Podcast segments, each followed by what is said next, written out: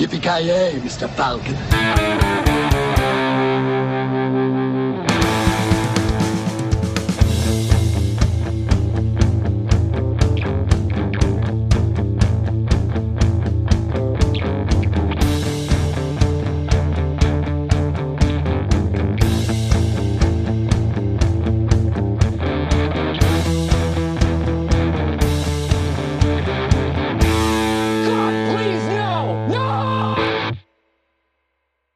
Jajamensan gott folk, hjärtligt välkomna till ännu ett avsnitt av Creative Meltdown Podcast. Ni har med mig Norrköpings Kolmårdstroll nummer uno.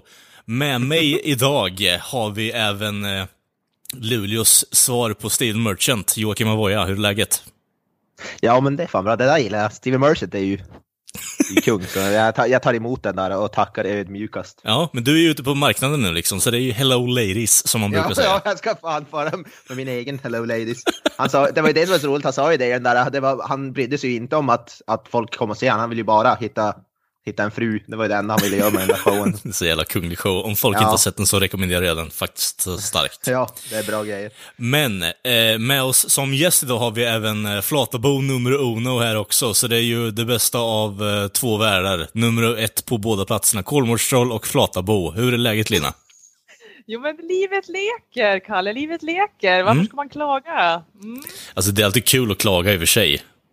Jo, men idag kändes det för att idag kände jag mig glad, så idag var jag inte så klagansfull. Hade du pratat med mig igår, då hade jag varit väldigt klagig. Men, Ja. eh, well, Det är det, dag. annars, det är annars våran grej att klaga på den här podden. Jag menar det. det kan ändras under det här programmets gång, man vet aldrig. Uh, Foreshadowing Ja, vi är deluxe där känner jag. vi är vana, Lina är alltid så jävla negativ och klagar på allt, så det är vi är vana. Jag ja! Mhm. Mm, fy fan. Ja. Ja, nej men fan. Annars då, hur är läget med? Lina är glad. Jocke då, hur, är- hur är tillvaron? Nu är det helt okej. Vi får en ledig dag här mitt i veckan, så det blir ju skönt. Ja, du är bara ledig torsdag också eller? Ja. Ja, natten mot torsdag så. Ja. Eh, onsdag kvällar blir jag ledig. Så- Sen jobbar jag, sen jobbar jag fredag, lördag igen. Men Ja, det är, det är väl helt okej för man ska väl inte klaga. så jävla less på att jag inte fick någon eh, så här, eh, lång helg i slutändan. Man har ju, det var ju möjligheten nu att kunna få två långhelger i rad, men eh, nej. Jag drog nitlott på båda, så jag jobbar eh, måndag, tisdag, onsdag, ledig torsdag, jobbar fredag och sen här, helgen. Ja. Det är det som är så jobbigt med vårt jobb. Då, måste, då måste, skulle jag behövt söka ledigt för det. Alltså, det. Är det inte en röd dag så jobbar du, så är, så är det ju bara. Alltså, Ja. Det spelar ingen roll. Har, det, vi går ju inte på något sådant schema. Typ. Eller ja, vi har ju ett schema, men vi är ju, alltså, det är konstant. Det är inte att vi typ, är lediga ibland och jobbar ibland och sånt där. Nej, precis. Om Då jag hade, jag fattar... behövt, sö- då hade jag behövt söka ledigt typ någon månad i förväg och så hade alla plani, planeter behövt stå i linje och det skulle vara fullmåne. Och, Ja, exakt. Och själv är jag ju som eh, le, alltså semester inom situationstecken tills jag börjar jobba igen. Så Mm. att eh, jag har liksom långledigt nu ja. Ja, fan Men nice. eh, inte, inte, inte för liksom att rubba in salt i såret på det. Nej, nej, men eh, alltså det, jag vet ju att det, det är så du opererar. Du, kom, du nästlar in och verkar lite trevlig och sen så nyper åt och liksom eh, Ja. sti, sticker kniven i ryggen på oss. Ja, men det gör jag med glimten i ögat. Ja, det är klart du gör. in disguise kallas det. Mm. Yes. Men då ska du ta någon semester sen i sommar då, eller? Någon rik, riktig, Eh, men- riktig, riktig semester, vad man ska säga. Men förutom med bröllopet då, Mm. och får vara ledig några dagar efter så kommer jag vara ledig en vecka i slutet av juli. Men sen jobbar jag allt annat. Mm. Mm. Så äh, just nu börjar jag ladda upp mentalt inför sommaren. Ja. Men eh, du nämnde bröllopet där lite. Har du och maken eh, planerat något så här vigselord eller något sånt? Eller några vows? Löften? Ja. Alltså, vi-. Alltså han och jag, alltså han, min, min karl Daniel, han är ju väldigt såhär blygsam. Så att han, han, han sa att han får vara glad om han står upprätt under hela vigselakten. eh, Jag kan väl tänka mig att det, det inte gäller bara han också, eller? nej gud, jag, jag, är- jag är inte nervvrak i vanligt, vanligt, vanligtvis. Att nu är det bröllop också, så då kommer man ju, jag kommer att få behöva gå på, an, inte antabus, det är något helt annat.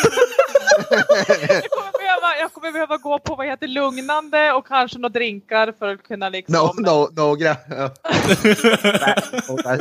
Och 17, då, är, 18 och, då är inte, och då är inte jag den som dricker Nej. vanligtvis mycket heller. Men just den här gången kanske. Alltså jag tror att Ah, nej, men det är ju så här, man har förväntningar om att, att det ska ju vara mycket nerver och pirr, pirr och känslor va? När det är sådana här stora grejer som händer som bröllop. Så att eh, vi får se, det kanske blir jättelugnt också. Det vore ju väldigt skönt. Ja. Mm. Du kanske behöver lite starkare grejer skulle jag vilja säga.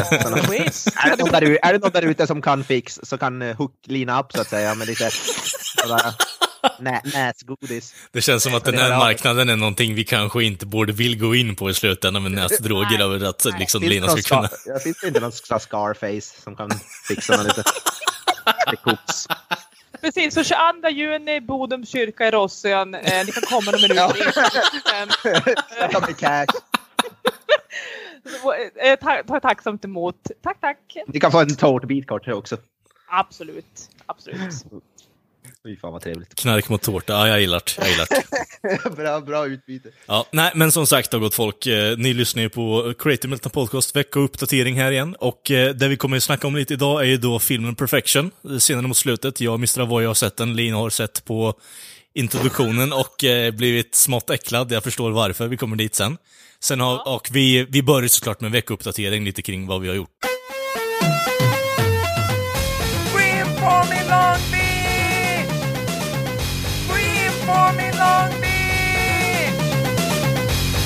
Jag lägger över taktpinnen till eh, Lina där som får börja med sin veckouppdatering. Vad har du, vad har du sett på nyligen som har fascinerat dig? Och har du fascinerat mig? Nej men alltså just nu så är jag inne i lite så här äh, nostalgitripp faktiskt. Så jag har börjat se om alla säsonger utav Sex and the City killar och Oh. ja, Oj, oj, jag, oj. vet, jag vet inte, har ni sett något avsnitt? Alltså, det där är en Nej, nej, serie som har varit när man har kommit hem från skolan typ, eller början av dagen, när man typ laddar upp och käkar frukost, så bara, "Ja, men fan slå på trean, finns det något tecknat? Nej, det, det, det är hästansikte och, eh, ja, jag vet inte. Alltså, ah, när, han menar hästen Six syftar han på skådespelerskan Sarah Jessica Parkers ja. ansikte. Ja, jag kan tänka. Ouch, ouch, Ja. ouch. Ja, eh, Ja, Jag har väl, jag har väl också sett, jag tycker varenda gång jag har sett lite av den här serien så har det alltid varit någon sån här galen sexscen, de ligger upp och ner på något konstigt ställe eller det är så, ja Mm. jättegalet. Varenda gång jag har se- sett så att fem minuter av det så har det alltid varit någon sån scen. men det är, det är ju typ varenda, varenda avsnitt så är det ju flera sådana scener. Och Ja. mycket cocktails. Mycket cocktails och Ja. mycket typ kärleksbekymmer och det ska vältas och ältas och vridas och vändas. Eh, jag kan inte riktigt säga att det kanske är just en, nu kanske jag är fördomsfull, men det kanske inte känns som en typisk killserie. Eh, nej, det är nej. väl inte riktigt det jag vill benämna sex in, är det sex in the city eller sex and the city? Sex and the city. Ja. Sex and the City. Nej, det är väl ingenting som jag graviterar mot i så fall, men jag är lite nyfiken. Vem av karaktärerna liksom kopplar du an till mest, Lina, här? Ja, det är ju alltid den klassiska frågan. Are you a Samantha or are you a... Ja, Det är det är den klassiska Samantha, Samantha, Carrie, eh, Miranda och eh, Charlotte. Det är Mm. de det kretsar kring. Ja. Eh, och eh, grejen är väl att egentligen så ska det väl kretsa huvudsakligen för Carrie. Det är hon som är den här krönik- eller kolumnisten i någon känd det är i och för sig en fiktiv tidskrift hon skriver om sex varje söndag som publiceras. Så, ja, det är väl henne det kretsar mest kring och ja, det enda jag tycker med henne det är väl hennes eh, känsla för mode. För det är mycket mode också i det här. Mycket. Mm. Jag älskar mode och kläder. Så att, just för den delen så är det väl det jag gillar bäst med henne. Man tycker att hon är en jävla gnällig, klängig, destruktiv karaktär. Man har sett bitch slap 50-11 gånger men ändå är det som att jag måste fortsätta se. Eh, Men jag, du, jag blir- du blir bara irriterad på hon alltså? Ja men, all, ja, men vissa, jo, så har vi Miranda, hon är den här advokaten. Det är hon som har det röda kortklippta håret som Ja, väldigt det. negativ. Väldigt negativ och pessimistisk. Och, där har man också lust att ge bitch slap några gånger. Men eh, jag skulle faktiskt säga Charlotte möjligtvis. Är det hon som är, är det, ja, vem fan är det? För det enda som jag vet är ju Kim Cattrall spelar ju någon och det är ju typ den som är av dem som är mest sexgalen. Det är den man har kommit ihåg mest i alla fall från den här skitserien. Jag tänkte säga, jag tänkte säga att jag är en blandning av henne och Charlotte. i. Uh, Jesus ja, då kan, du, ju- då kan du använda fantasin ni som lyssnar ute. Vad, vad Ja, exakt. ja, det blir mycket sånt. Ja, men jag skulle nog säga att jag, Charlotte hon är ju mer den här som tänker att gifta sig och äktens, alltså äktenskap och liksom hålla, alltså mer så här. till, hon är lite mer pryd utav sig men ändå kan hon vara ganska lössläppt när hon vill. Och, och, men annars är hon väldigt naiv och blåögd. Och ja, jag kan känna igen mig lite i det jag sett men också Samantha som Ja, i, i alla fall inte. Jag kanske. Nej, vänta, hur ska jag prata med det här nu? Vi kan släppa det helt och hållet och gå vidare till en annan fråga egentligen. Vad är det som... eh, Jag tycker vad det är det som- intressant. Jag vill ju höra vad det- ska. Vi behöver inte utsätta Lina för allt för mycket trauma i den här podden kan jag tycka. Ja, det är det vi gör. Vi är, vi är som terapeuter. Vi måste prata ut om det svåra.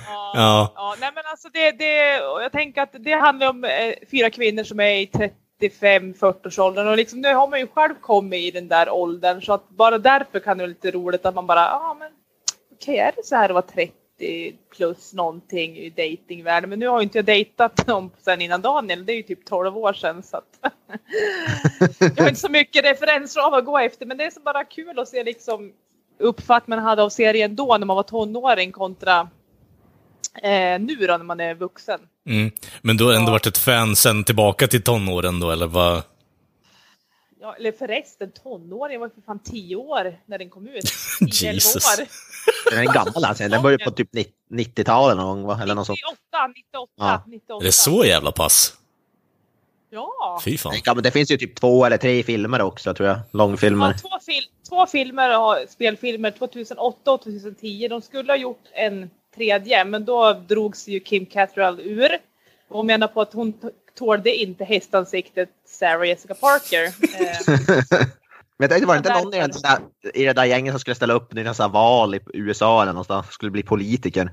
Har jag för mig att jag läste. Det låter bekant faktiskt. Ja, jag tror det är hon med, om det är hon som har rätt hårda typ. Eller nå- någon av dem.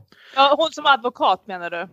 Ja, det var någon som skulle. Ja, hon skulle bli någon sådär, ja, mayor eller av, av någon stad typ. Eller jag vet inte vad det var. Någon, någon typ av politisk position. Hon skulle ju ställa sig upp, ställa sig upp i någon val i alla fall. Kommer jag ihåg att jag hörde. Men var det, var det, var det serien eller var det Nej, alltså på riktigt. som privatperson? Okej. Ja, Ja men då, Mm. är det, då är det hon. Då är det hon. ja. Yes. Var det. Kommer jag ihåg att jag hörde. Nixon heter hon. Cynthia Nixon, så var det ja, just det. Mm. Ja, men det, jo, jag kommer ihåg att började prata om det. Hörde på radion eller något. Jag tänkte, hur många säsonger finns det av den här? Det finns väl typ rätt många va? Eh, sex säsonger. Ja, det? Ah, okej. Så det var mer än så. Och jag är inne på tredje. Så att, eh, mm. Och det är väldigt, och det som är så anledningen till att man fastnar för den det är att det är så kort avsnitt. Jag tror varje avsnitt är mellan 20-23 minuter långt. Ja, just det. Så att det, det går ju bena av en säsong ganska fort. Så, Ja. ja men det är ju som en vanlig sitcom. Exakt. Men är det Ja. så att det finns någon form av röd tråd rakt igenom säsongerna, eller är det egentligen bara att de tar upp massa alltså, relationsproblem i varje avsnitt? Ja, nej, men det är klart det finns röd tråd. Det är ju, de har ju dejtat massor med olika män som kommer och går i seriens gång och ja, vänskap. Men alltså det som alltid liksom förenar är att de ju alltid har den här vänskapen. Det spelar ingen roll vilka karlar som kommer och går så har de ju alltid sin vänskap att förlita sig på. Eh, men annars är det ju samma, samma. Det är liksom Åh nej, Carrie, eh, nu har hon brutit upp från Mr Big igen för Ja. femte, elfte gången. Precis. Mm, undrar vad det kan bero på. Är de verkligen rätt för varandra? Nej, jag tror inte det, men ändå. Mm, ja, det, Slutar inte de ihop Ja. tillsammans sen i slutändan i alla fall? jo, visst. Och så gifter de sig i filmerna och äh, skaffar barn, tror jag. Så Ja. att det, är så här, äh, ja. Ah, Det, det, det, det är mycket känslor och mycket drama och intriger, men jag gillar ju sånt så Mm. hej, hej. Mm. Men alltså, är det bara just den här frustrationen som drar in dig i scenen? Eller? Alltså, det, det låter som så åtminstone. Ja, men det är klart man gillar drama och skvaller. Menar, Ja, nej men eh, nostalgi. Det är ju främst därför jag tittar på den serien just nu. Mm. Mm. Hade du något annat som du hade kollat på, på nyligen? Ja. Eh, återigen, nu blir det lite sådär flashback igen, men, men eh, 2004 respektive 2009 så eh, kom det ut två serier med samma karaktärer på SVT eh, som hette Graven och morden med Kjell Bergqvist i huvudrollen. Mhm. Eh, Okej. Jeff, vet inte om det är någonting ni känner igen? Nej, det ringer inga klockor faktiskt. Alltså, Kjell Bergqvist är ju kung, men jag har inte sett serierna i alla fall. Så. Jag Nej, Bergqvist. det- liten.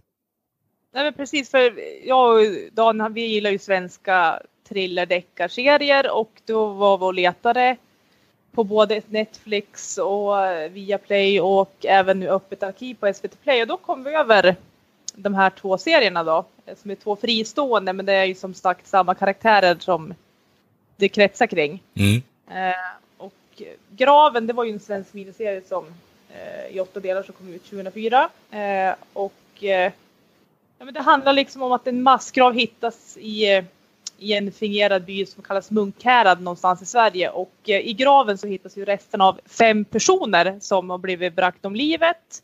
Och Segerljung då som Kjell Bergqvist spelar eh, får ju uppdrag att sätta ihop en grupp för att försöka lösa det här fallet. Och i närheten av den här graven finns ju två gårdar och på den ena gården så odlar tre män bloddynamiska grönsaker. Men egentligen så är det liksom eh, undercover för knarkhandel. Men det... ja, just det. Ja, mm. Of course. Och så på den andra gården som är liksom ett förfallet hus, liksom, där bor väldigt fyra udda karaktärer. Och CGs specialgrupp då eh, består av fem starka personligheter som ska bo tillsammans på en båt för att kunna vara nära mordplatsen. Och det är egentligen det liksom det kretsar kring att de ska lösa det här fallet och för varje avsnitt som eh, fortlöper då så men dels kommer de ju mordgåtans lösning på spåren men också liksom får man se liksom karaktärutvecklingarna utav respektive karaktär. Eh, även uppföljare morden är tycker vi lika är bra. Mm. Det är lite liknande. Ja. Mm. Men de håller fortfarande idag med andra ord alltså. Det är inte så att de är väldigt bundna till just eh, tid, tidsperioden de gjorde i, eller? Ja, Jo, men möjligtvis något daterad kanske. Eh, men jag tycker det funkar absolut. Sen gaven, för det handlar ju om... Eh, det ha, har ju lite i och för sig med terror, terrordåd att göra och så här, biokemiska vapen med virus, farliga virus. Så att ja, det skulle ju kunna hända idag också. Eh, I och för sig. Eh, men eh, skådespelarna, förutom Kjell, jag vet inte om ni har koll på dem, men Göran Ragnestam, han som alltid får spela de här sliskiga typerna. Mm. Jag ringer ingen klocka, men återigen, du pratar med två eh, ja, mellanålders män där vi liksom eh, inte har kollat Ja, på okej. svensk serie Ja. överhuvudtaget liksom. Ja, men jag sitter och googlar här, jag och Göran Rangsam, jag vet ju vem det är, men jag känner inte igen han vid namn. Men, men, Men med Jens ansikte. Hultén, Jens Hultén, Ja, gud ja. han, ja, han är ju också en av de här huvudrollsinnehavarna och Cecilia Nilsson, ja det är kanske är svårt att placera henne men det det är återigen väldigt mycket medelålders Mm. skådespelare som man tänker jaha det är han eller det är hon, ja den har vi också sett i 51 andra produktioner. Ja, just det. Eh, ja, men typ, typ så. Eh, men helt klart sevärd. Alltså, om man gillar Beck, Wallander, eh, De fördömda med typ eh, Rolf Lassgård, den stilen, så är det helt klart sevärd. Ja. Alltså, det. kort grej där egentligen bara. Är det, är det bara jag som tycker att det är lite tråkigt att vissa namn i svensk film, alltså vär, svenska filmvärlden är typ det som sticker Mm. ut, medan merparten säger typ 95% av dem som skådespelare har man ingen aning om vem fan de är vid namn som Jocke säger där. Bara man ser ansiktet så bara, Ja, oh men shit. det, det är ju lite alltså. Man känner igen de flesta, Ja, men man har in, ingen aning om vad någon heter förutom typ Mikael Persbrandt. Ja. Ja, typ. Men Eller alltså- Kjell då. Ja, Eller Kjell, kanske. Ja, men och sen eh, Lassgård också för den delen. Ja, eller, det, är väl finns, de, det är väl de tre. Det finns ju några guldklimpar där egentligen, men jag tycker Ja. det är bara så fruktansvärt tragiskt att det finns ingen riktig så här staying power numera. Och eh, Nej. Nej. de som faktiskt har staying power, som säger Joel Kinnaman eller någonting, de drar ju härifrån och eh, Ja. säger fuck it till svenska filmbranschen i alla fall liksom. Men det är, väl, det, är väl just, det är väl just därför att de bara är med i svensk film och ser man inte extremt mycket svensk film så har man ju liksom ingen koll. Det är väl Nej. det. Jag ser ju extremt, Nej. extremt lite svensk film. Så jag kommer inte ens ihåg senast jag såg. Ja, det var väl när vi såg Sällskapsresan, men förutom det så har jag ju inte sett en svensk film på gud vet när. Mm. Men vad beror det på då? Ja, det är en jävligt bra fråga faktiskt. Du, får- du får återkomma när du har grunnat lite på ja, men det är väl, alltså, jag vet inte, det är någonting med, jag tycker väl inte bara svensk film, ofta, jag vet inte, jag har inte sett, det är inte många svenska filmer som jag har sett som jag blir så wow av.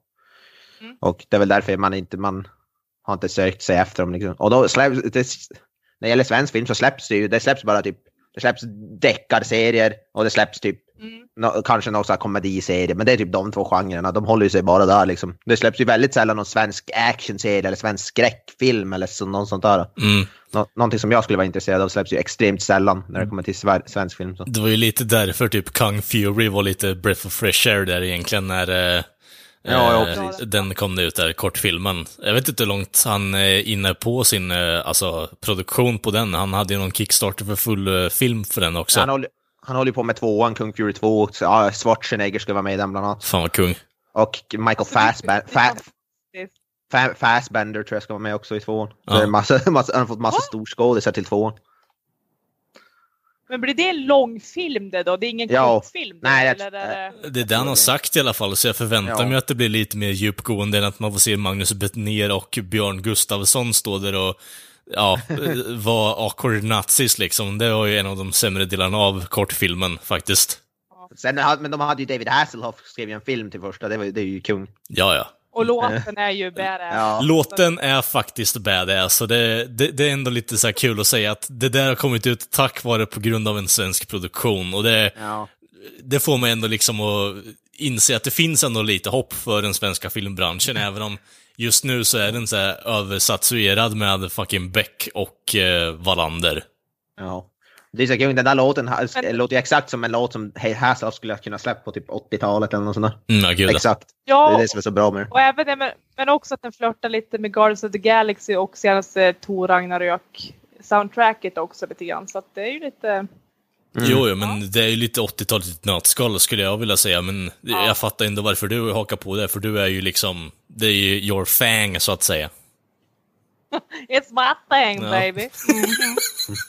Men apropå det här med svenska produktioner, alltså om jag bara får dra en liten, avslutningsvis en liten instickare här med svenska serier och, och Mm. Ja, ja. sånt fram emot så Vår tid är nu. Det är ju en svensk dramaserie som Ja, kommer ut nu med sista, sista tredje säsongen kommer ut nu i höst och sen har de faktiskt gjort en spe, specialbeställning på fyra ytterligare avsnitt som kommer ut nästa år. Okej. Eh, och det tycker och, och grejen till det jag vill komma fram till det, det är att det flörtar lite med en av mina absoluta favoritserier som har gått, eh, Downton Abbey. Nej, just det. Just det, det känner ni till. Ja, absolut.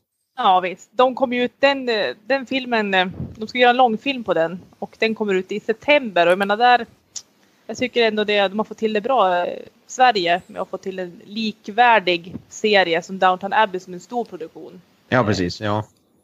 Bara för att knyta ihop säcken så att, eh, ja det, det är de två serier som jag ser fram emot nu framöver här. Ja, Down- Downton Abbey är en sån här stor serie som, det är en av de där serier som man inte har sett, som man vet, kanske borde se. Du vet, jag grät när jag såg trailern till filmen. Jag, ska, jag, jag, jag skojar inte, jag grät av alltså glädje. Ja.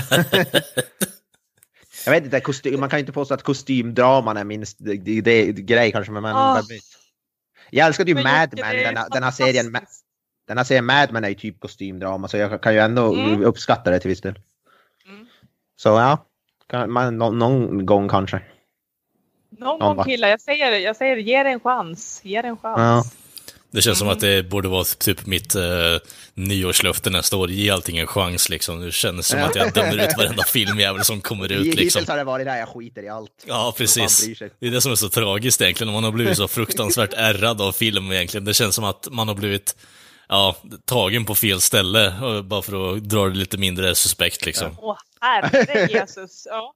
Ja, istället blir det så här när någon rekommenderar, ja okej, nu ska jag se det, och så sätter man sig ner och ser det direkt, någon nämner någonting. Så, Ja, okej, men det borde, det borde ju fan vara så egentligen. Det, det, jag tror att blir det, det är ändå yes rätt man. inställning att gå in på i slutändan om man nu, som vi säger, vi, vi tycker ju ändå om filmen. Jag vet inte riktigt, jag har ju tappat tilliten på allting. Det är ju bara det som är så tråkigt. Ja. ja men tv-serier, man ska inte underskatta dem. Det finns väldigt bra och så finns det mindre bra såklart. Men så är det ju med allt. Jo, jo, men eh, det är grejen med vad ti- jag tittar på. Ja, men absolut. Absolut. Skitbra. Mr. Avoya. Eh, ja, det, det jag hade tänkt nämna är väl, jag har också sett på, så jag har inte sett, ja vi har tagit, betat igenom de flesta filmer som jag sett på sistone. Så, men det jag, jag främst hade tänkt nämna, jag nämnde det i senaste avsnittet också. Jag eh, började se på en Netflix-serie som heter Lucifer. Mm. Uh, Och jag är inne på den, nu har jag sett lite mer, sist hade jag bara sett, jag var då halvvägs säsong två typ, nu har jag sett, börjat se, jag har sett några säsonger in, på- eller avsnitt på säsong tre. Och eh, så kan jag berätta lite mer om den. Uh, Men Lucifer i alla fall, den, uh, den var först av om det var FX eller Fox eller något sådär. Sen la de ner den efter tre säsonger, sen köpte Netflix upp den och släppte en fjärde säsong då. Och det handlar ju om, ja det handlar om djävulen då, Lucifer. Eh, bokstavligt talat. Och han, han blir less på att vara i helvetet och ta, ta sig till jorden då. Och så öppnar han en nattklubb som heter Lux eller Lux. Och han blir typ värsta pl- playboy, alltså blir han rik och ligger med allt och alla. Och, och sen eh, Oj. själva grejen med serien, han blir sen involverad med polisen och blir en sån här consultant, eller man ska säga, kon konsulterad. Så han hjälper dem då. Han hjälper dem då att lösa mord och sånt där. Han blir en sån här civil consultant, typ Sherlock, deras Sherlock Holmes kan man säga. Mm. då. Och ja, så hjälper han dem att lösa. Det är ganska egentligen, förutom det djävulsdelarna med så är det ganska 100% typisk deck, deckarserie med eh, ja, mordfall och det ska lösas och sådär. Sen eh, då insprinklat lite grann är det här med lite övernaturliga då. Han har ju, som djävulen så har han ju lite superkrafter och han kan, kan få folk att eh, berätta sina innersta hemligheter genom att bara kolla på dem typ och sådana grejer och det kommer till användning då. Eh, och en, en grej med serien är ju den här då, detektiven som han jobbar med, en, eh, en tjej som heter Chloe tror jag. Mm. Eh, och eh, grejen är med hon, så hon är den enda som han märkt som är immun mot hans krafter och han vet ju inte riktigt varför. Det är också en del av som mysteriet med serien. Och det är massa sidokaraktärer. Hans mamma är med, kommer med i säsong två. Lucifers mamma, hans, bro, hans br- bror Amenadil, en ängel. Och eh, ja, det är mycket också om Gud och var, var, vars är Gud och varför hjälper inte Gud till och bla bla bla. Han är ju förbannad på fa, eh, sin farsa och Gud för att han kastar ner han i helvetet och, och, och så vidare. Och det är ju mycket det där, vad, vad, Gud- vars är Gud, vad håller han på med? Så det är många sido, eh, sido vad heter det, stories och så vidare. Eh, men den, är, den är faktiskt, den blir bättre, den för säsong som börjar helt okej men blir bättre. Som nu med säsong tre så är det väl det bästa den har varit hittills tycker jag. Men den är, den är som sagt den är väldigt typisk. Den är, den är som en deckarserie, det är inte någon... Men det som gör den bra är ju då, vad heter det, Lucifer själv. Skådespelaren som spelar Lucifer är det bästa med serien. Eh, Tom Ellis heter han och han är, han är så perfekt i rollen. Alltså han, är, det, han, han bär upp hela serien. Hade det inte varit för han så hade serien varit jättemycket sämre. Han är så, han är, han är så underhållande och som Ah, jag vet inte, ja, han är per, helt perfekt castad i den rollen. Det är bara någonting med han, alltså, hans tonsätt, det sätt han pratar på och han är väldigt snabbtänkt, så witty och extremt rolig också. För han är ju han är ju rolig, Lucifer, han är inte alltså, han är inte modisk eller något, han är inte typisk jävel som man kan tänka sig. Han ser typ ut, han ser, han ser typ lite grann ut som Don Draper, Mad Men kan man säga. Han är så lite så här, gelerat, så här, gelé i håret och så här, snygg kostym på sig. Typ. Lite grann så. Lite grann som man kan, om man tänker sig djävulen i mänsklig form, typ så ser han ut. Men extremt, ex, extremt bra skådespelare tycker jag. Och ja, jag vet inte, jag tycker bara på grund av han så är den sevärd. Och gillar man deckarserien så tycker jag att man definitivt kan kolla in den. Eh, Det där känns som att det är typ flera eh, serier igen. Eh, och det jag hade velat haft i så fall om man nu skulle bli en consultant till polisen, att de på något sätt alltid försöker spela ut dem så att det gynnar han och hans klubb liksom. Det hade varit lite mer intressant koncept kan jag tycka, än att... Eh, ja, ja, jag vet inte riktigt. Det, det Ja, finns... men han, det han gör med de här fallen är ju mycket att han använder dem för att i alla fall gynna han själv för att han det, har någonting med Ja, han gör han, det? och hans, han, han och hans familj att göra. Och Ah, okej. ofta, så är det, ofta så är det ju kanske någon, någon, något övernaturligt som har hänt så, och, så, och så vidare. Som han, på många sätt så använder han också fallen för att han behöver ta reda på någonting själv och då han, använder han nog lite själviskt. Men han gör ju det också, han gillar ju som, han, det hela grejen med serien att han blir mer mänsklig och han, han börjar relatera mer med människor och börjar gilla mer och det är lite det som är en stor del av serien, att han blir och börjar bry sig om människor mer. Efter att ha varit flera hundratusentals år han varit i helvetet och typ torterat människor pratar de ju om. Mm. Så han blivit mer, mer mänsklig och känslosam och så vidare. Vilket är en del av, del av grejen också. Och en rolig vad heter, så gimmick med serien, han går ju runt hela tiden och säger, han är ju inte alls blyg om att säga att han är djävulen, men alla tror ju bara att han är tokig liksom. Att han, är, och all, han heter ju i serien, alltså hans namn är Lucifer Morningstar. Han, alltså till och med, till och med polisen han jobbar med kallar ju han det. Men, och han säger hela tiden, yeah, I'm the devil. Typ. Ingen tror han. Det är, det, som, det är lite roligt tycker jag. Ja, hade han kommit i sin, i sin eh, djurform då kanske man hade... Ja, han, har ju, han har ju en form som han, alltså riktiga form som han visar, så han, blir han värsta så här, alltså hans ansikte, han blir, ja, han blir som där helt, hela hans skalle blir röd och det, han blöder och det, han ser ut som Freddy Krueger typ i hans riktiga form kan man säga. Alldeles så skinnflodd och äcklig. Så vi, vi, vi, de få människor han visar den formen till, de blir så här tokiga och måste sätta sig in på psyke typ. Det är typ det som är grejen. Så han, han, han visar ju inte sin riktiga form till så många. Men det är ju lite roligt för han, han erkänner ju säger till alla att han är djävulen. Och den här detektiven han jobbar med hon tror ju han aldrig. Han, och hela tiden säger han och refererar till hans farsa, Gud och ja. Hela, Jag det, lite, han, också tänkt att japp, här har vi en tokall. Ja. Ja. det är därför det är lite, var, varför skulle man låta någon som man tror är mentalt sjuk konsultera till polisen? Det kan man ju Eller fråga sig. hur? Det här kan ju falla helt och hållet, alltså vilken polisstation han jobbar för, vilken stad. Ja, alltså det är ju i, ja, jag vet inte, det är, om det är, det typ Los Angeles kanske? Kalifornien? Vet that makes sense, they're, they're fucking loony as fuck liksom. Det, ta in en mentalsjuk. Änglarnas stad. Ja. Änglarnas stad. Ja, det, ja, precis. Det är Bara väl det är ju... Han är ju fallen ängel. Ja, ja, ja.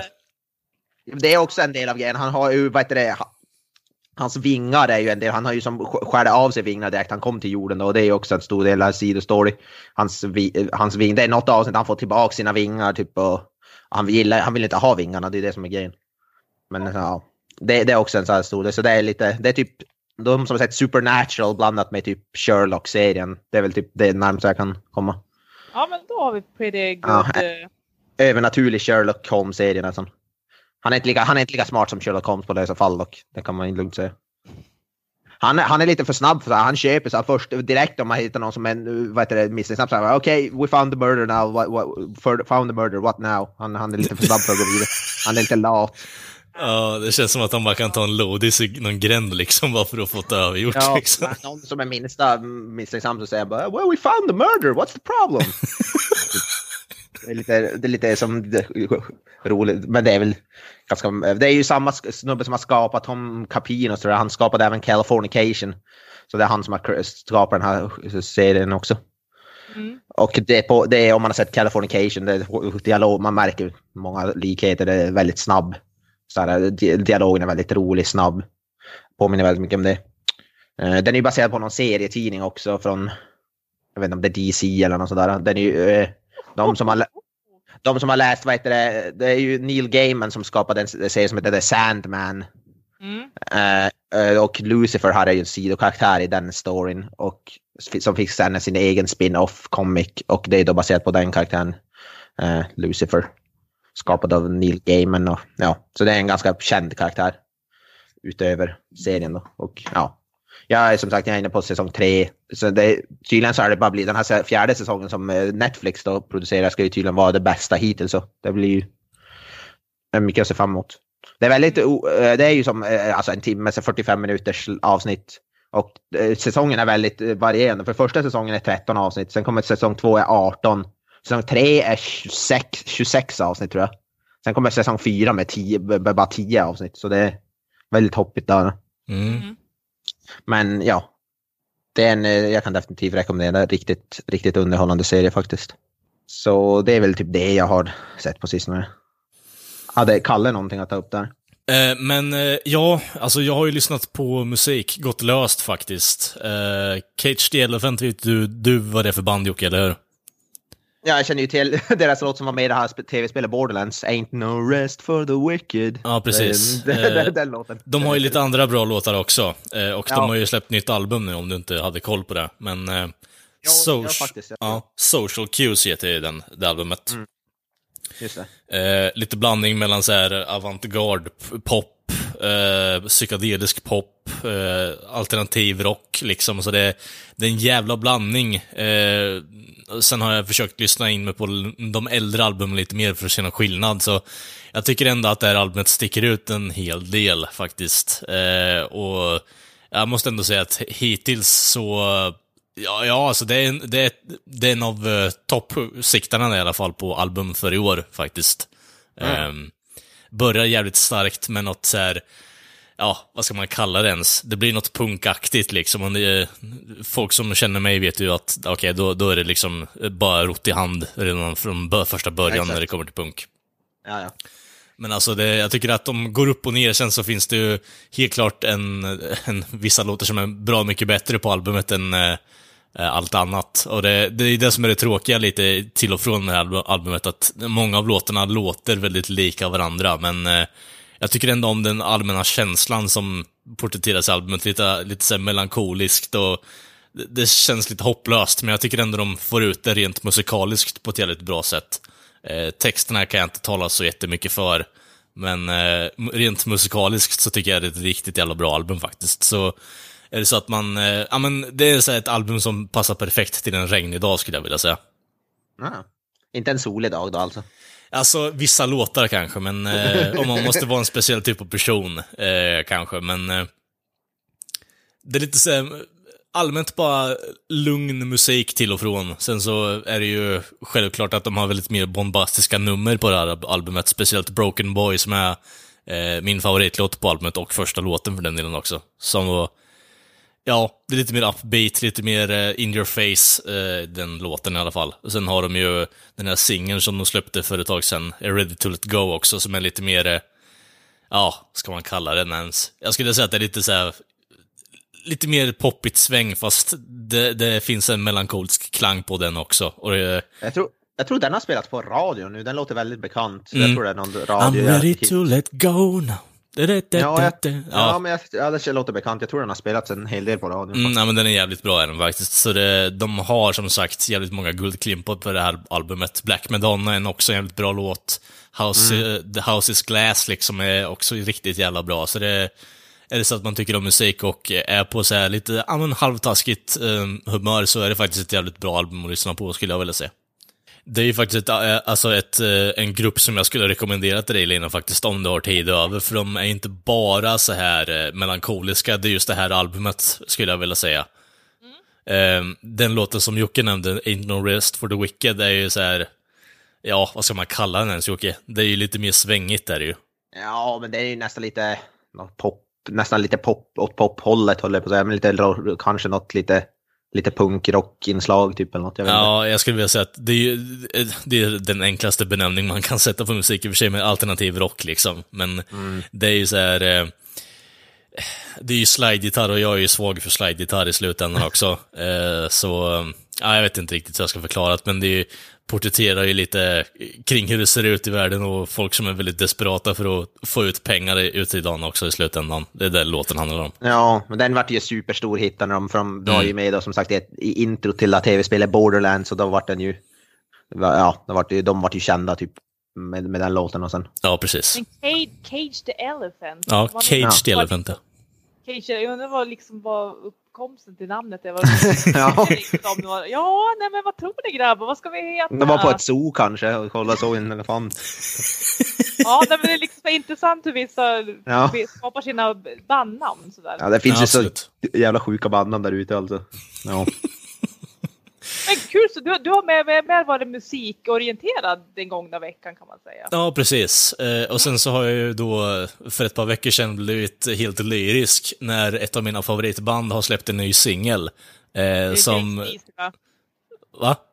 Det är inte AC/DC. Det är inte AC va? Daisy. Eh, det, hade varit ganska, Daisy. det hade varit ganska eh, legendariskt om de hade släppt en singel. Tyvärr så tror inte jag att de kommer göra det. Och jag tror inte det kommer vara bra, så jag vill helst att de slutar på Rock or Bust, faktiskt. Alltså Brian Eh. Johnson ryktas ju vara tillbaka i bandet nu dock. Faktiskt. Ja, jag vet. Så, Jag vet. Eh, så så- vi får se vad som händer där. Det tragiska med det här är att jag är lyrisk kring det, men jag vill inte vara lyrisk, för jag vet att det kommer bli skit i slutändan, tyvärr. Ja, jag vet inte, jag har sett lite så på YouTube så senare spelningar som kanske är bara fem år gamla. Jag tyckte de, de lät riktigt bra alltså. Det finns ju Mm. någon så här Live at the River Plate tror jag den heter. Ja. Som de gjorde för.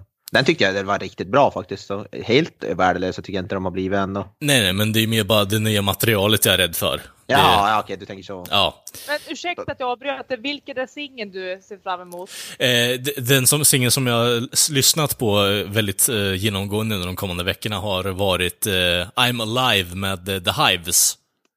Ja, just Va? det. Yes. Har The Hives kommit ut med ny låt? Va? Japp. Ja, det var ju fan länge sedan de Jag måste, någonting. vänta, vänta, okej vad sa att låten hette? I'm Alive. I'm alive. Ja. Ja. Och Vad fan, eh, när släppte de senaste skiva? Typ 2005 eller något sånt där? 2012. Ja, 12 okej. Men det är fortfarande jävligt länge sedan. Ja, det är så här sju år sedan och eh, det lilla po- postpunk-monstret i mig skriker bara ja, ja, ge mig mer material era fucking jävlar. Det är dags nu. Det är fucking dags nu, kom igen, släpp det, ge det till mig, ge mig, ge mig heroinet liksom ni har implementerat här i nu. Jag vill ha det nu, fort. Men Kalle, beskriv låten. Är det, är det som Idiot Walk, de här mer mainstream-låtarna de släppte för några år sedan, eller är det mer tillbaka till rötterna? Det här, jag skulle säga att det är en blandning mellan tillbaka till noise-solon eh, och lite mer bombastiskt liksom. Det är som, det är ju ungefär som Lex Hives eh, skivan egentligen, men bara att eh, den här låten har lite mer umf bakom sig om vi säger så. Ehm, och det, det här är liksom, de har ju sagt i flera intervjuer, jag har ju kollat som en tok efter att den här släpptes, att ah, men vi har material liksom som vi inte vet vad vi ska göra med, bara, varför släpper ni inte skiten för då? Eh, Så jag bara sitter och ifrågasätter min egen existens här nu efter att jag har hört den och jag vill, jag vill bara ha ett, jag vill ha ett nytt album faktiskt. Det, det är fan med dags nu och det, det här är så Sju år. tråkigt. Vad sa du? Det är sju år sedan de släppte eh, ny låt, läser jag här. Ja, Ja. ja är det... Så att du, har rätt, alldeles på tiden att de släpper nytt material. Ja, gud ja. Men alltså, det, det, här, är ju, det här var ju för, för min del eh, Sveriges stolthet när det kom till musik för ett tag sedan. Alltså, det, är, det är fortfarande det också för den delen. Många snackar om eh, eh, Sara Larsson och sånt också. Jag fattar ändå i och med att det, det får en stor spridning för det, men Sverige har ju alltid haft en bra musikexport, men för mig har det aldrig blivit mycket bättre än The Hives liksom. Det är bra energi, det är bra, alltså, återigen, distade gitarrer slår ju aldrig fel i min mening, men eh, och skrikig lyrik alla Iggy Pop liksom, det, det blir inte mycket bättre än så faktiskt. De är ju typ Sveriges Sex Pistols, jag på säga. Ja, i stort sett. Inte lyssnat på dem jättemycket, men jag gillar ju dem också. Mm. Tick Tick Boom är ju en sån här klassisk låt till exempel. Ja, ja, gud Liksom. ja. Nej, men alltså, jag har ju sett dem live några gånger och de är jävligt bra liveartister. Det är drag från första stund. Alla, Ja. alla, alla är så roliga att titta på. Det är inte bara liksom Pelle, utan, Howlin' Pelle, utan det är typ alla basister, gitarristerna, trummisarna. Alltså, de Mm. är... De är ju tokiga på scenen. Det är, Ja, Ja, ja. det jag är det som jag bara dras för. Chris Dangerous är ju sjuk på trummorna. Han är helt fucking absurd när det kommer till det. Han, att han ens orkar hålla de där hela CP-tempona så pass länge också, det, det är fan imponerande faktiskt. Jag menar, de blir ju inte yngre direkt. Så Nej, nej. Det är det som är grejen också. Eh, vilket är lite tråkigt. Eh, för man kan ju inte... Eh, om inte ja, Fitz, Fitzsimmons liksom eh, lyckas eh, få klona dem eller hitta någon typ ungdomskälla åt dem så är det lite rökt snart och då vill jag gärna att de åtminstone pumpar ut tre album till. Så att jag blir lite nöjd. De skulle spela här i, om det var i Piteå tror jag att de skulle spela här, alltså typ i, nu i sommar tror jag. Något sånt där. Fy fan. Säker på. Tillsammans, om det var tillsammans med typ, var det tillsammans, tillsammans med Mando Diao eller något sådär, att det skulle vara något sånt här dubbel... Det är nog inte helt omöjligt, för eh, de eh, annonserade ju med Refused för ett tag sedan också att de skulle göra en Scream Tour, eh, om det var i USA, om jag inte har det helt fel också. Så Ja, de är ju ute och gör en massa grejer nu i alla fall, så det, jag hoppas ju att det blir något, Har res- någonting. ja, att det blir någon form av resultat där, för du låter ändå som ett fan du med Lina, faktiskt. Jo, men jo, men vet du, ja, nu har inte jag lyssnat på det här spelet länge, men du vet, jag är en skröna ungdom, host, Mm. host. så så var, spelar man ju med väldigt mycket och tittar på dem på festivaler som sagt. Så att, nej, nej men alltså, jag, jag säger det, det här säger lite som, nej okej, Rolling Stones vill ta i, men jag tänker att Howlin' Pelle och Mick Jagger, det är lite samma persona, så att, eh, ja.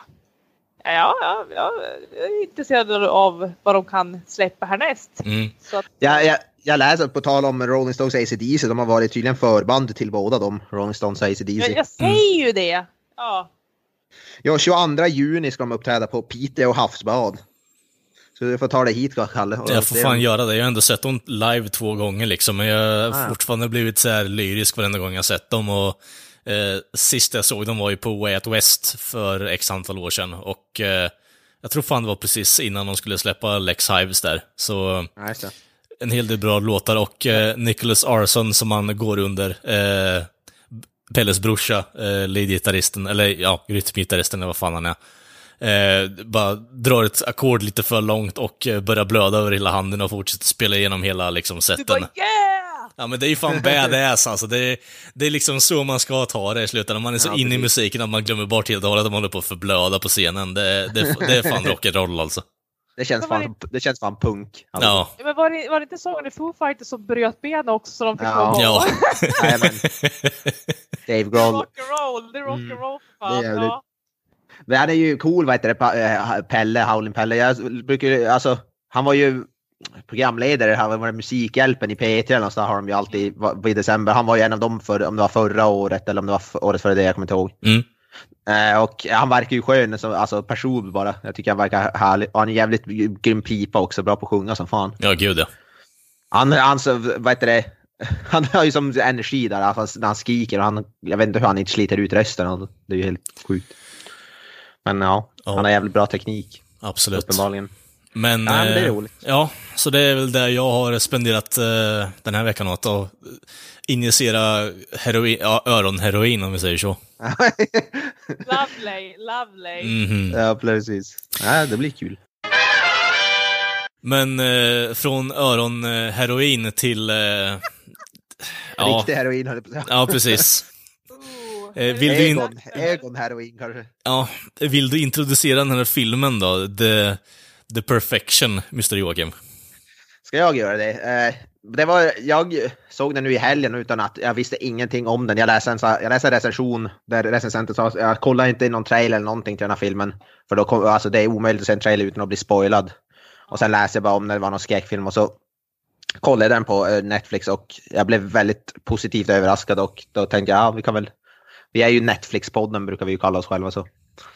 Vi, vi, vi, vi kan väl se den så har vi någonting att prata om. Men det, den här filmen är helt svår att beskriva utan för den har som, det känns som att det är typ fem olika storylines. I, alltså det känns först som att det, först känns det som att tror man att det ska vara någon typ av zombieepidemi och sen blir det typ någon så här whiplash-liknande så här musikfilm. Sen blir det någon så här typ av revenge-thriller. och Ja, det, det är en väldigt svår film att placera i något fack. Kan ja det, det, det är väl typ det minsta jag skulle vilja säga. Ja, och det, men själva, man kan ju beskriva handlingen i alla fall. Är ju, handlar ju om eh, en tjej som heter Charlotte som är jävligt duktig på att spela, vad fan heter det, vad, vad heter det på svenska? Cello. Cello. Cello. Ja, och, men hon får en mamma, hon en mamma som blir sjuk som måste sätta sin karriär helt på, på, på, på on the back burner så att säga. Alltså hon kan inte alls fokusera för att hennes mamma blir sjuk, hon måste stanna hemma och ta hand om hon. Men då dör ju hennes mamma sen. Hon var- far då till Shanghai och träffar sin gamla musiklärare och, och så vidare och märker att hon, han har då fått en ny protege, en ny, eh, lä, vad heter det, lovande cellospelare då. Mm. Och hon blir väl hon blir väl typ avundsjuk kan man säga. Det, ser, det kan man ju redan i början, i de första minuterna, att hon kanske blir där. Ja. Och då vad heter det faren då och ja. du Får någon typ av relation till den här nya då. Hon, hon heter, nu har jag helt tappat namnet på den andra. Lizzie, Lizzie. Lizzie Elizabeth, ja. Just det. Eh, ja, och efter det händer en jävla massa grejer som är... Ja, alltså vi måste ju, vi kan ju inte prata om den här filmen utan att spoila, så jag vet inte om man ska säga det på en gång att det kommer bli spoilers kanske. För det är Mm. omöjligt. Ja, även det är sant. Alltså det är helt, helt omöjligt. Var, var 20-30 minut så är det någon sån här twist som gör att, alltså som kan bli spoilad liksom. Mm, jag vill bara liksom preface innan vi går in på det och säga att är det så att ni har en eh, fallenhet för övervåld och, eh, ja, ska man säga, typ 75-dimensionella liksom storyberättande utan att man har koll på manus i slutändan också, så kolla på den här filmen och bli amazed över hur, eh, ja, den är uppbyggd i alla fall. Um... Det är ju typ, det är typ så här pop fiction liknande hur, hur den är uppbyggd, den så här hoppar i kronologin väldigt mycket. Jo, dels det, och sen så, fast problemet med det är att den har ju ändå någon form av försök till, eh, alltså rakt fram story, bara att de spårar tillbaka och visar Ja. en annat perspektiv på samma historia, men Ja, det är ju inte direkt samma grej som Pulp Nej, Fiction. inte exakt, men det är ju som, den är inte helt 100% rakt fram, de hoppar lite så fram och tillbaka lite grann. Ja, Men ja, men det är inte, alltså inte, det är inte som Pulp Fiction att man kan att i slutet av filmen så är slutet av filmen är början typ eller vad fan man ska säga. Det, är Mm. inte, det är inte riktigt så. Men det är i alla fall grundstoryn och ja. Vill man, alltså jag, jag rekommenderar, vill, har ni något typ av helst intresse att se den här så lyssna inte på det här för det, kommer, ju- det är omöjligt att prata om den utan att spoila, det går inte. Mm. Och är ni äckelmagad som mig då kommer ni inte längre än... Nej, det, Eh, det, ja, det, hur många minuter är det in det där? Ja men det var då kanske en halvtimme.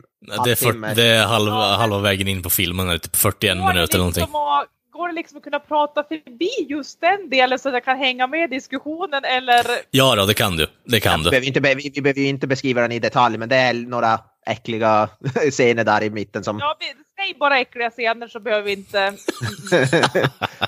men ja, men jag vet inte hur, hur, hur man ska prata om den här filmen. Det är Ja, men alltså hon, eh, Charlotte och eh, Lizzie börjar ju någon form av lesbisk re- relation där. Eh, Ja, det händer ju. ja, det, det var inte den delen du blev äcklad av. Nej, enticed liksom. Oh. ja, fy fan. Exorcister de är ganska van det mesta så att... eh, Ja. ja. oh, Jesus Christ. Eh, nej men, eh, nej, men det, det händer, det, man tror vid första anblick att de hatar varandra de här tjejerna. Att de, Ja, att de, det är eh, det. Att de, vill, att de vill förstöra för varandra. Ja, Men sen visar det de inleda en lesbisk relation och då tänker jag sådär, jaha? ja. Alltså du, du, du skulle ha sett färdig filmen så kan, du skulle inte bli mycket mer klar på det för det, det, det kommer många sådana så här, hatar de varandra eller gillar de varandra eller Ja. hatar de varandra? Eller, ja. Det är så här am- ambivalens personifierat känner jag lite bara. Vart vill ni med det här? Ja. Mm. Ja men okej, okej, det var bara det jag ville säga. Ja, ja. Ja. Men de, ja, de ingår i någon relation och sen hon ska ha, hon är ju den stora up and coming den här Lizzie men de, hon har, ska ha semester säger hon då, två veckor och ska då få Mm. iväg med hon, Charlotte där men då blir hon sjuk typ på vägen. eh, Sjuk och då, det är då allt det här äckelpäckel scenerna börjar. Och de är på en buss men på grund av att hon är så sjuk då blir de utslängda för att eh, han är en asshole, den vad heter det, busschauffören. Till hans försvar så kräks hon och skiter på ner på hela Ja. bussen liksom, så jag vet inte Ja. riktigt. Okej, Ja. okej, nu har du sagt det, bra.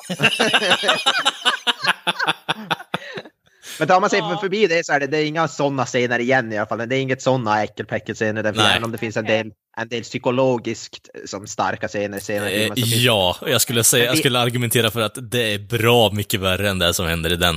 Men visuellt visar de, ju, visar de ju som ingenting förutom den scenen. Det är ju mest vad de insinuerar som kanske är lite Ja, problematiskt. Så ni menar att det finns scener som inte är som den här scenen som vi sådär, men att det är ännu vä- värre än Nej, men det är, Ja, alltså, det- är inte, inte visuellt, det är inte att du ser någonting, det är mest vad de insinuerar, vad Ja. som händer. Du, de visar inte, men det är det de säger, vad, alltså, ja, insinuerar saker som skulle hända eller som har hänt. ja. Men u- utan att de visar någonting, det är mer så psykologisk terror kan man säga. Mm. Okej, ja, fortsätt Kalle. Eh, ja, men alltså det som händer då egentligen är att hon eh, sätter sig ner på huk och så ligger en Buttricks eh, hundskit under henne där liksom. Eh, Ja. Eh, men alltså, ja, vad fan ska man säga liksom? Därstans så blir det ju Ghost Bananas och hon ser kryp i eh, saker som har kommit upp ur henne liksom och så vidare. Eh, ja, Ja, ja, va? Levande kryp eller? jag larvar. Så, du såg inte tills dess alltså? Nej, det var väl typ där jag sa till Ah, okej. att nej nu klarar jag inte Ja, av det mer, nu tittar vi på Ah. Kjell Bergqvist istället. ja, men det, ja, det är ju hon. Det kommer upp en, en del kryp ur kroppsöppningar som det inte ska komma kryp ur. ja, precis. är, det, är det liksom från det hon åt innan? Ja, det är ju det som är lite av, det är det man får veta senare i filmen. Mm. Oh. vad, vad det är. Men det slutar ju med att hon ser kryp komma ur armen på henne. Ja. Och, då den här, och då Charlotte ger henne en köttyxa och säger you know what you have to do. Då, då, då, Ja, fan Alltså, med det, det där kan ha varit den mest randoma jävla scenen jag sett i hela mitt liv. och det får ju sin förklaring senare varför hon gör det. här. Men Jo, också, eh, hon eh, ger hon den där yxan och så hon hugger av armen då. Ja. På sig själv. Och där ändå på något sätt så bara, okej, nu börjar det ändå bli intressant. Vart går vi med det här tänkte jag då. Ja. Alltså Ehm, det var då när det började med där jag bara vad i helvete är det jag kollar på? ja, Alltså jag, jag, alltså, jag, jag visste varken ut eller in. ja. Man Jag tror- jag "Åh, tror du- Du var rolig, vad du var rolig, varken ut eller in.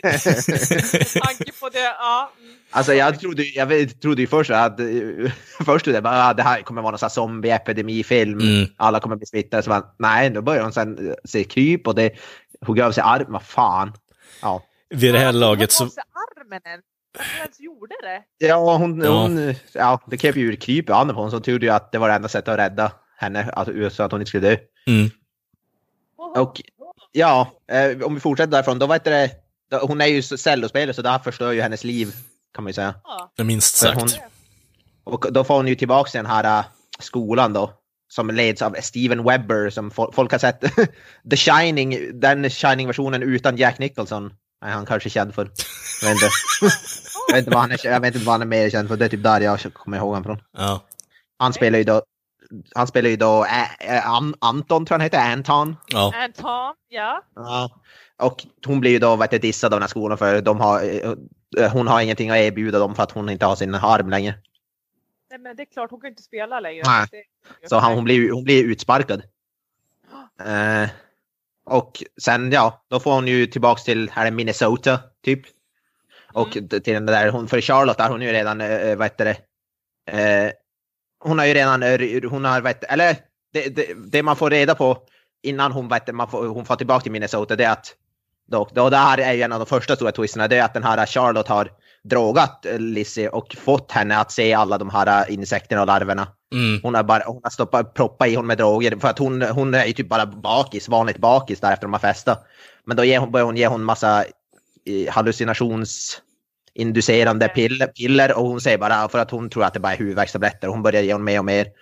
Och då börjar hon vad heter det, se i, när hon, i sina uppkastningar börjar hon se larver och sånt där som inte är riktiga. Det är bara illusion, äh, hallucinationer. Mm. Men om vi får återkoppla till det, här, för i början av filmen när de ska ut och klubba och sen ha vilt sex. eh, På, Ja. så, ja, då var det ju en man som spydde och han fick liknande symptom. Så att det var det jag tänkte att... Ja, men det var ju det de ville, ville få, få oss att tro. Det trodde Mm. jag också. Så Men det- sket, och så sket och kräktes utav drogerna. Det var det som... Ja, droger kanske och så vet du, att hon Eller var... pillerna då. Pillerna. Men att hon var också bara extremt bakis tror jag. Jag tror inte det hade, alltså den här sjukdomen det var väl bara för att man vet ju inte den som hade var sjuk på riktigt, det kan ju bara varit. Det är ju... Men det var ju bara att, heter det, ja, hon, hon var drogad där och fick, och så, då fick ju Charlotte henne att hugga av sin arm då. För att hon såg henne som en liksom eh, imposter på sin... Ja, hon, hon, det är ju det också. Då, då, får man, då får ju filmerna också tro att hon är en jealous bitch, den här Charlotte då. Ja, Och ja. vill få henne, och då får ju hon till, till, då får ju hon till Minnesota och för att då hä- hämnas på Charlotte där och kidnappar hon och tar hon tillbaka till musikskolan där. Eh, men då, då kommer det ju ännu mer twistar här att det hon, den här Charlotte gjorde det här för att hon skulle rädda den här Lizzie från att, för att hon inte skulle behöva få tillbaka till musikskolan. Och eh, för hon såg en tatuering som Lizzie har på vad det, sitt eh, skulderblad av en liten, jag tror det var en liten not bara. Och Ja. hon har, Charlotte har en liknande. Och det är, det är de enda som får dem tatuerade är de som har varit på den här skolan och gått igenom de hemskheter som då pågår där. Då visar det sig att de, de tar in då eh, flickorna här i ett speciellt rum och ska spela då för en massa människor. Och Ja. i det här rummet då, får, då heter det, ska de då spela perfekt. Så Gör de en not fel då kommer, då kommer de här männen, det är den här Anton och de, hans två män och då, Ja, och, då, och, och eh, våldtar dem eh, helt och de som gör någonting fel. Eh, de tar upp dem och ja, går, gör sina grejer med dem och då ville då den här Charlotte rädda Lizzie från, från det, alltså att hon inte skulle behöva få tillbaka det för hon vet vad hon har gått igenom. Jaha, Så då var det ju inte alls så att hon var en jealous bitch. okej. Eh, eh, får man ju veta då. Men då- Hjälpa. Ja, för att hjälpa. Det är, ja.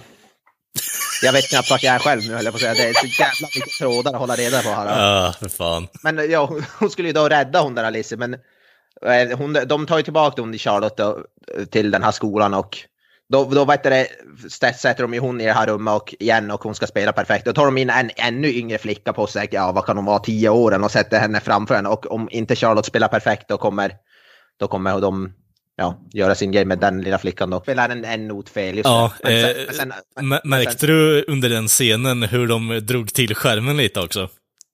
Nej. Nej, det tror jag inte. Vad menar du? Alltså, hon spelar ju en ganska falsk not väldigt, eh, un- under en väldigt kort period. Och vid den, vid den tidpunkten så drar de skärmen lite snabbt åt höger och sen tillbaka igen bara. Jaha, ja, det är det. För det, det var det jag, det var det jag ville lite så här fundera för jag trodde efteråt, ja okej hon klarade det. Jag, jag kände, märkte knappt ens av att hon hade spelat fel. Mm. Jag var, inte, jag var så ofokuserad, men det, då var det ju att hon spelade fel, men då men de gör ingenting mot ungen där. Han säger att eh, inte ens han skulle ha gjort det, den här Anton. Han är inte ett mon I'm not a monster, säger han. Kommer tycka vad man vill om det.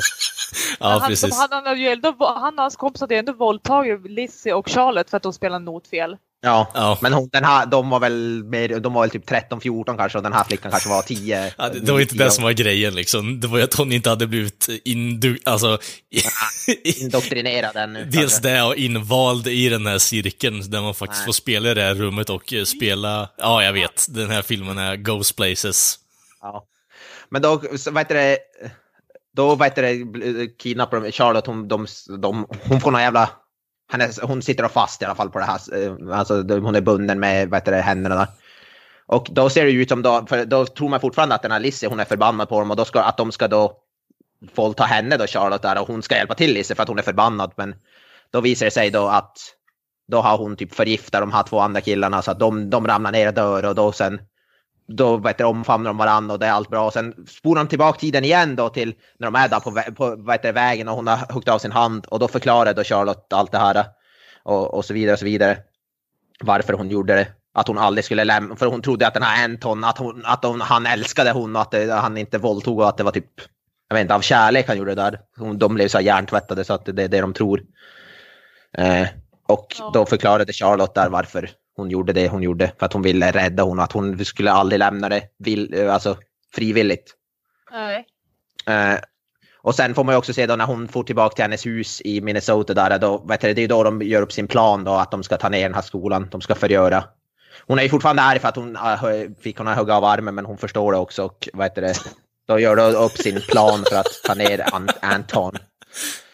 Men att hon inte förblödde tänker jag. Hade Nej men de, hon hade ju, den här Charlotte hade ju heter det, gjort god, man ser ju när hon sitter på sin telefon sen för att hon ska ta reda på hur man gör en sån här tourniquet för att stoppa blödning och, och så vidare. Så hon gör någon typ av, virar någon grej runt handen och så att stoppa blödningen så att hon överlever.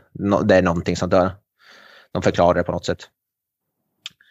Ja. Och då gör de då, och sen, ja, då släpps hon fri och de, ja, de, i princip, de, går bananas på den här Anton och de hugger han i med diverse knivar och fan hans moster. Jaha, va? Ja. Ja, men ja, ja, han kommer in i rummet sen och ser att de, de har stäbat ihjäl hans då fru typ. Och sen, vad heter det, båda de attackerar ju han samtidigt och då blir det en liten fight där. Medan de hugger och slår varandra och så vidare. ja. Förlåt jag skrattar men det här blir Ja. Ja. Det, då- det var exakt det jag gjorde också, Lina. Det, det här är liksom, eh, ja, jag vet inte ens vad det här är. Jag tycker om Grindhouse-filmer och det här blev fan för mycket alltså.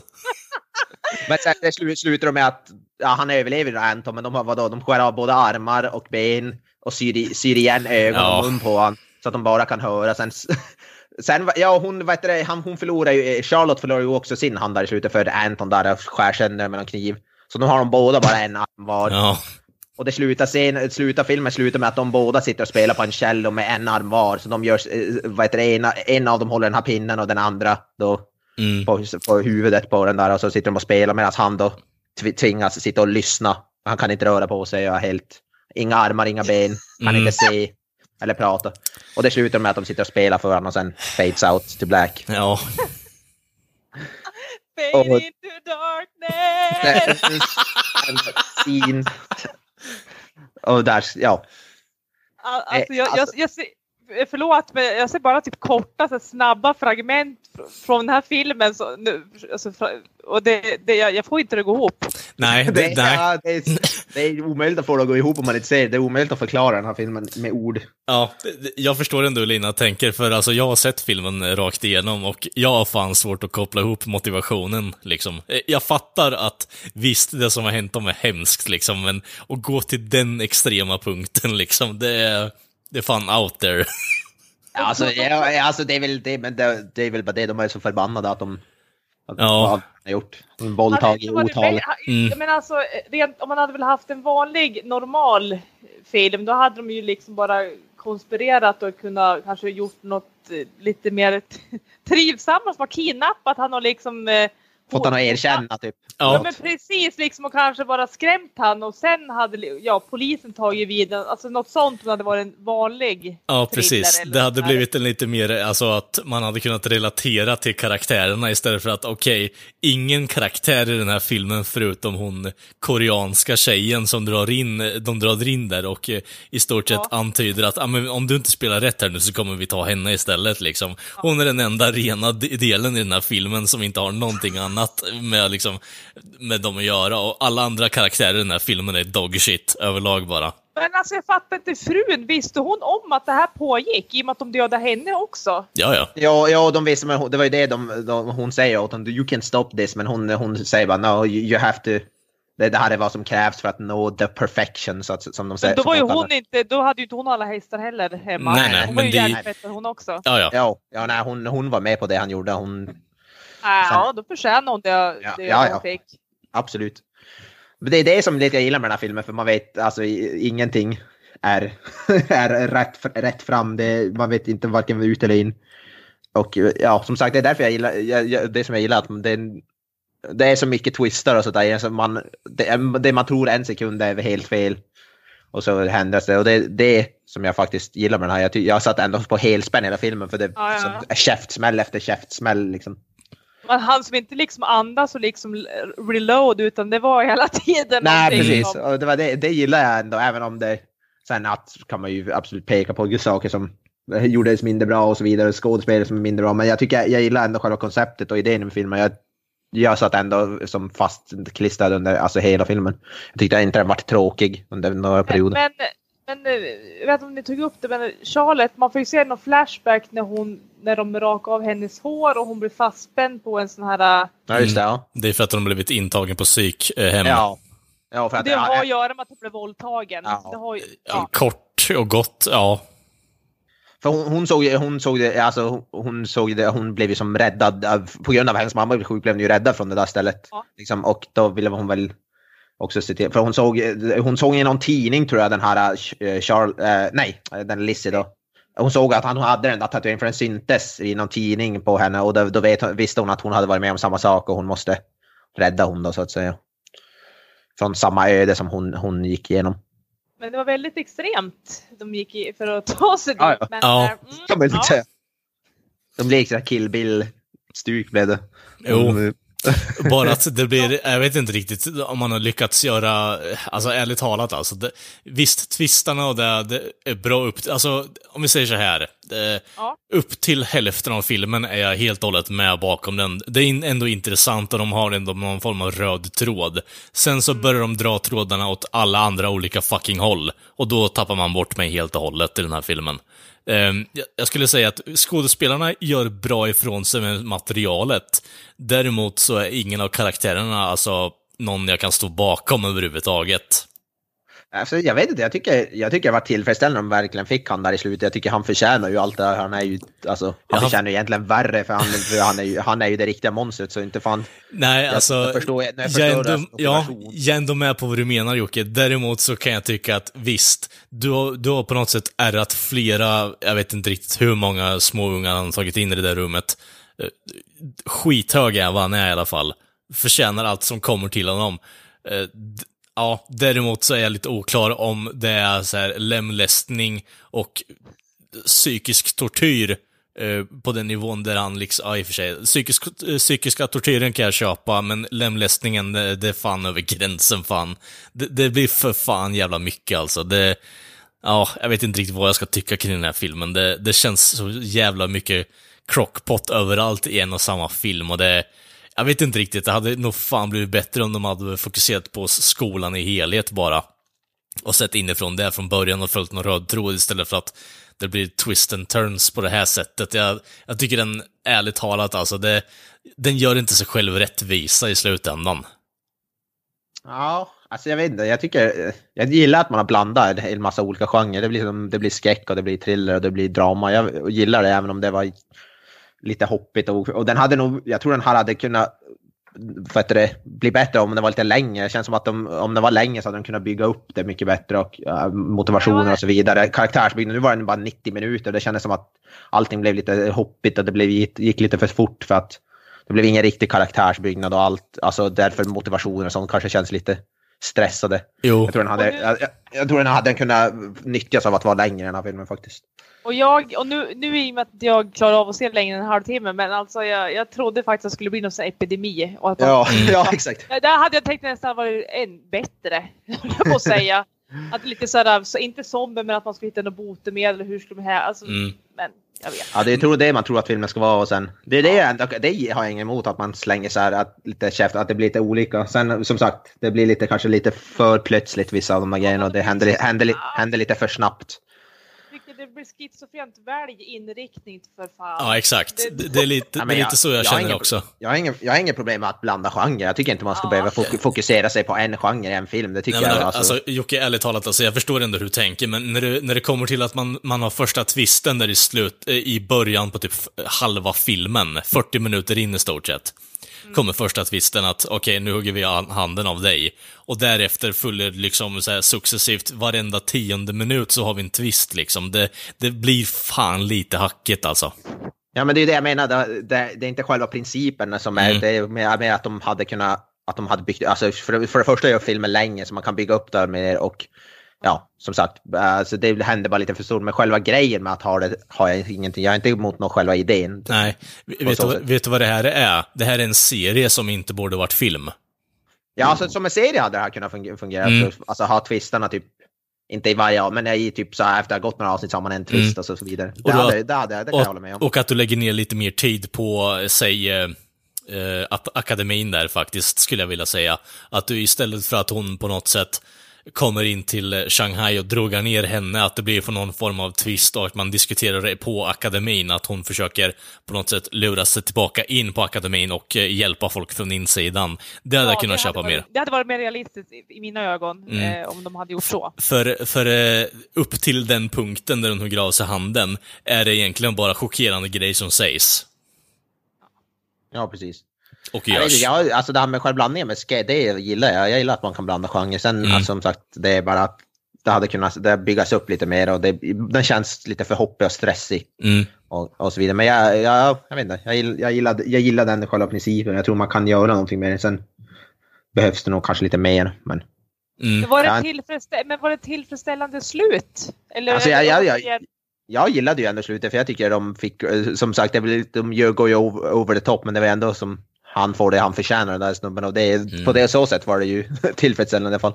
Han fick det han, han som han hade coming, så att säga. Ja, alltså det är ett kräk som får det han förtjänar, det håller jag helt och hållet med, men det är ju till samma alltså, grej så är det ju två kräk som gör det mot honom också. Sen, sen, om, om Alltså det- inte för, inte för att vara den alltså, men alltså de här två karaktärerna, det är ingenting jag kan koppla med samman på. Jag tycker ärligt talat att det, det blir, som du säger, det, det är för lite karaktärsbyggnad kring dem. Man vet bara att de är prodigies när det kommer till cellon och att eh, Charlotte supposedly vill rädda henne genom att hugga handen av henne. Det är det man hade behövt bygga upp lite mer, för Mm. man, får inte, man får inte så stor bild över hur psykiskt förstörda de här är. Det visar sig flash, flashbacks när hon får hå- håret avrakat och sådär, och att hon Mm. sitter i en stol och ser apatisk ut. Mm. Det är, typ, det är typ det enda. Så därför kanske man inte, men hade man byggt upp det lite mer och man fått lite mer så här känsla för att hur de mår så kanske man hade förstått dem bättre. Ja, alltså gud, jag Ja. förstår ju ändå rent sympatiskt sett att, okej, de, är- de är förstörda människor, men alltså det, alltså, och, och hoppa till den eh, slutsatsen när man har någon dead to rights i stort sett. Det, det borde räcka där någonstans, att i slutändan, visst, vi kan göra saker med det tills polisen kommer, men nu ska vi hugga av dig benen, armarna, sy ihop ögonen, munnen, och vad jag antar egentligen bara är att spela hela det där fucking stycket fel för honom. Förmodligen. Ja. Det är det, ja. Alltså det är det också, den här Charlotte byggs ju upp i början som att ah, hon är en duktig flicka som tar hand om sin mamma och sådär. Sen Mm. har hon värsta diaboliska plan och hon tror, vet inte alls hur, hur de kommer fram till att hon ska vara så här mastermind. Nej, Så det precis. byggs, ju, det byggs ju inte upp heller, heller att hon... Så det, det kanske, de kanske inte ville att, att det skulle byggas upp, men det hade ändå behövts tycker jag. Ja, ja. Ja, nej men som sagt, eh, jag tror för alla tre, eller ja, jag minst hade velat sett en annan uppbyggnad, en annan inriktning som hade Mm. varit lite mer lätt att hänga med i. Men som sagt, folk verkar gilla det, eller det är spridda skurar där, men eh, Ja, den har ju blivit alltså, kritiskt hyllad. Den ligger på vad, typ 80% på Rotten Tomatoes eller någonstans. Så den har ju blivit super, superhyllad den här filmen. Grejen är att jag tycker att det finns bra material att hämta härifrån. Däremot så, ja, ska du göra en film så behöver du fokusera på en sak. Det går inte att hålla på och ha, okej, men jag har den här bra idén och jag har den här bra idén. Du måste kunna på något sätt koncentrera saker ner till 90 minuter i slutändan, för ärligt talat alltså, den här filmen hade inte fungerat om den hade varit längre. Det hade, det hade varit mycket, mycket bättre om det hade varit så här 25 till 30 minuters avsnitt, 10, 10 till 15 avsnitt. Ja, alltså som en 90 minuter film så blir det blir, som en film. Hade den, ska den ha, vara en film, de har tryckt in för mycket idéer i en för kort, för, för kort film i alla fall. Ja, precis.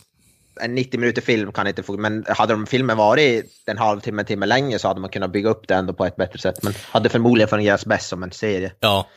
Slutändan är det ju att det här är ju en karaktärsfilm och vi vet knappt någonting bortsett från flashbacks och eh, antydningar eh, gällande Charlotte i alla fall. Eh, Nej. Lizzie får man ju på något sätt bara eh, knyta samman att, eh, okej, det som har hänt Charlotte har hänt Lizzie i stort sett. Ja. Ja, Lizzie bygger de ju inte upp någonting överhuvudtaget. Det är ju noll uppbyggnad på den. Ja. Nej, Jag tänkte säga skådespelmässigt tycker jag, jag tycker hon, det är ju hon från Get Out, Alison Williams, hon är riktigt bra. Mm. Och även då Steven Webber som spelar den Anton, han är ju riktigt creepy och gör det riktigt bra tycker jag också. Ja, så, det är så- inga, eh, så hantverksmässigt är det ju riktigt, och den är snyggt filmad på många, på, Ja, gud ja. Många- Det, det, det har jag definitivt inga problem med. Rent eh, som du säger, eh, filmskaparmässigt så är det ett bra hantverk på det sättet att de har filmat det rätt bra, det är bra vinklar. Eh, uppbyggnaden till hälften av filmen är bra tycker jag. Däremot så faller de ju bort i ett helt annat spår sen efteråt. Eh, Skådespelarna gör ett riktigt jävla bra jobb också i slutändan.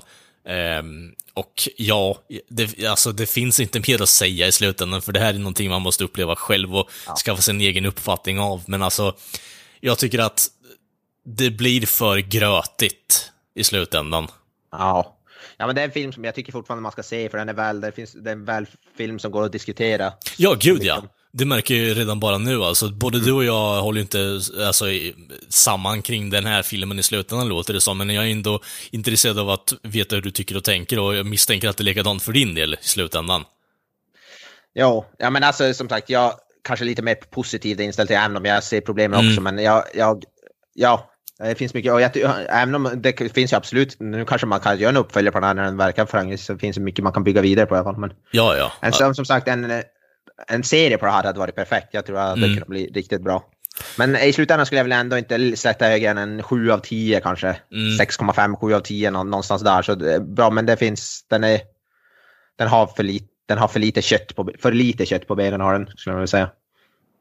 Eh, men en, ja, 6,5, 7 av 10 där någonstans. Så jag tycker man kan definitivt, jag tycker den är värd att se och det finns, det finns väldigt mycket att diskutera om den här filmen. Mm. Sen om man tycker den är usel eller bra, det, men den det är en film som väcker diskussion i alla fall skulle jag vilja Ja, säga. gud ja. Alltså, och det blir på något sätt att, eh, visst, det är ju det är en hemsk, ett hemskt ämne att hantera. Men alltså Mm. jag tycker ändå att på något sätt att de har ju vettiga saker att ta upp. Däremot så hanterar de inte allting på bästa möjliga sätt, skulle jag vilja säga i slutändan. Nej, det, nej, det är inte riktigt så att man, jag hamnar inte åtminstone på deras sida i slutändan, för det de gör är ju minst lika sjukt faktiskt. Eh, Det är ju snäppet under att hålla på och föröva sig på unga tjejer för den delen, men alltså få lemmarna avhuggna och sen sitta och lyssna på psykisk tortyr liksom, det... Jag vet inte riktigt. Det blev för mycket för mig där faktiskt. Och det, det var väl tur att filmen var slut där, för då hade jag fan slagit av där annars. Hade ja, ni, varit... vet vart jag, ni vet ju vart jag stängde av, så att Ja. för mig blir det en femma. Ja. på, 30, på 30 minuter av filmen. Mm. Exakt, men Ja. det kan ju hända att, eller ja, jag vet inte fan, jag behöver se det nu när ni har beskrivit så utförligt så. Nu, har vi spo, nu har vi spoilat de största händelserna i filmen. Ja, det är fint. fint. Nej, men jo, äh, den, en intressant film i alla fall. Det, det Mm. kommer jag lugnt säga. Alltså, grejen med den här filmen är ju ändå att det blir ändå på något sätt eh, en liten ljusglimt i, på filmvärlden i att okej, det kan ändå finnas någon form av kreativ anda kvar där ute och att man försöker göra Ja. någonting nytt. Så det tycker jag ändå är positivt. Däremot så behöver man ju på något sätt kunna sålla ner eh, sina idéer också. Det är det som är problemet. Ja, man måste kunna, ja, man måste kunna ja, bygga, bygga vidare på sina idéer och Ja. ut dem, utveckla dem och så vidare. Och så Mm. vidare. Ja, men den är ju, det är ju, ja, det är, det visar på lite kreativitet som du säger, så det är ju, det är ju faktiskt roligt. Och det är ju mycket, mycket mer intressant än mycket av det som släpps på Netflix.